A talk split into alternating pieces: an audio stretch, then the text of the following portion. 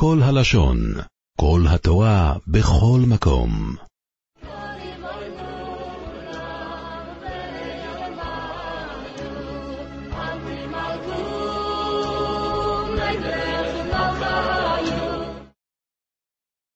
אגיד נערב שבס, פרשת במדבור, שבס מבורכים, של חוידש שיבון, מספרים שהרבר רב מאיר פרמשלמר היה מספר את הסיפור הזה, היה מספר בכל חג השבועות לפני קריאס התוירה של הסרס הדיברס. היה מספר ככה, שהיה גויין וצדיק, שר ותפסור, רב שמשון ורטיימר. כך קורא לו החבסיור. היה גויין וצדיק, שר ותפסור, מקורב מאוד לקיסר של וינה.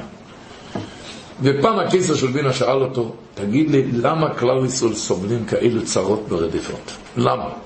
אז אמר לו, בגלל קנאה ושנאה. אמר לו הקיסר של בינה, אני לא מקבל את זה. לא מקבל בגלל קנאה ושנאה. מה, הם יותר קנאה ושנאה של יותר מכולם? לא מקבל את זה. אמר, אני צריך תשובה תוך שלוש ימים. אם אין תשובה, אני לא משאיר שום יהודי בכל בינה. אני מגרש את כל היהודים מבינה. רב שמשון ורטמר עשה שאלת חלום מהשמיים.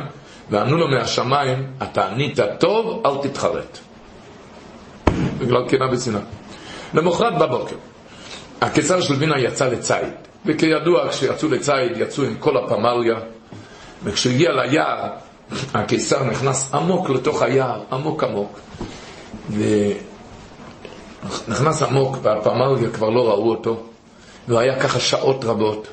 והפמליה חשבו שהוא הלך הביתה, לא מצאו אותו. אז הפמליה הלכו הביתה. הוא נשאר שם לבד. והולך להחשיך, היום הולך להיות חושך. והוא רואה שהוא נשאר לבד, הוא מחפש את הדרך החוצה, הוא לא רואה, נשאר כאן עם חיות ביער, הוא פיחד.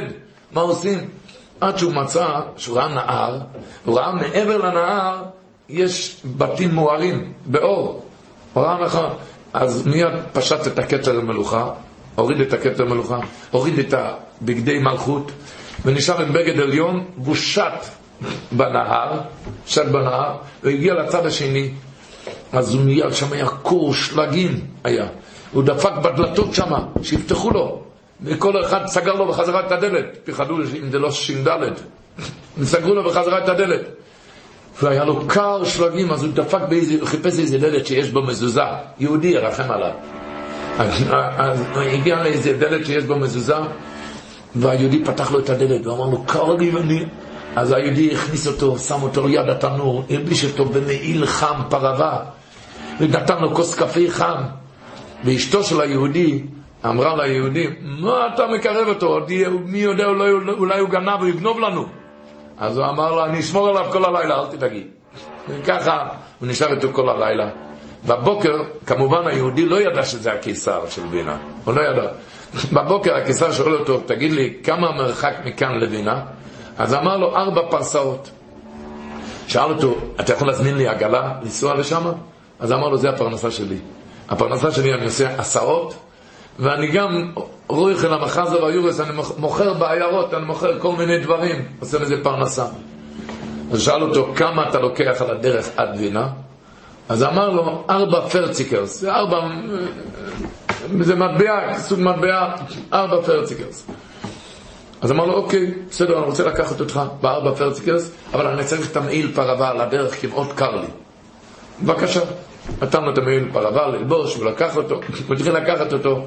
אז אשתו של היהודי אמרה לו, הוא עוד יגנוב לך את הפרץ, את המעיל פרווה הוא עוד יגנוב לך, והוא לא ישלם לך והוא עוד יהרוג אותך. אז הוא אמר לה, אל תפחדי, אני עוד מעט חוזר. הוא נסע והסיע אותו היהודי הזה, את הקיסר של וינה, הוא הגיע לווינה, היהודי שאל את הקיסר, לאיפה אתה צריך כאן בווינה? אז הוא אמר לו, שם לארמון המלוכה. אמר, אני מפחד, אני לא נכנס לשם. אמר, אל תפחד, תיכנס. ואיך שהוא נכנס שם לחצר הארמון, אז הקיסר קפץ מעגלה עם המעיל פרווה, והיהודי ככה נשאר לבד. והוא רואה איך שהנבואה של אשתו התגשמה. הוא לא שילם לו, גנב לו את המעיל פרווה, ומי יודע מה מחכה לו כאן. עבר כמה דקות, ומישהו דופק לו על הגב, הקיסר קורא לך. הוא התחיל לרעוד ולפחד, הוא לא ידע מה... הוא לא ידע שזה הקיסר, הוא התחיל לרעוד ולפחד, הוא עלה, והוא מוציא את הקיסר עם קיטר מלוכה, מן הבגדי מלכות, הוא שואל אותו, הקיסר שואל אותו, אתה יודע מי אני? אז אמר לו, לא. אז אמר לו, אני כן יודע מי אתה, ואני מכיר את הבית שלך גם. הוא התחיל להגיד לו איך נראה הבית. אמר לו היהודי, אין חוכמה כחוכמת המלך. אז אמר לו, זה לא חוכמה, אני הייתי אצלך הלילה. אתה הצלת לי את החיים, ותשמע, אני משלם לך לא ארבע פרציקרס כמו שסיכמנו, אני הולך לשלם לך עכשיו מיליונים. הצלת לי את החיים. שדות, קרנים, כמה אתה רוצה? מיליונים. היהודי שותק. אני אתן לך עיר שלמה, זה מיליארדים מיליארדים, עיר שלמה. הוא שותק. אמר לו הקיסר, אם אתה תשתוק, אתה תישאר עם ארבע פרציקרס. אז הוא אמר לו, אדוני המלך, אני לא צריך את כל הדברים האלו, אני צריך דבר אחד. אתה רואה, הפרנסה שלי, אני עושה הסעות ואני מוכר דברים. לאחרונה התחיל איזה יהודי לחקות אותי לעשות אותו דבר. זה ממש יורד לחיי. יש לי צער.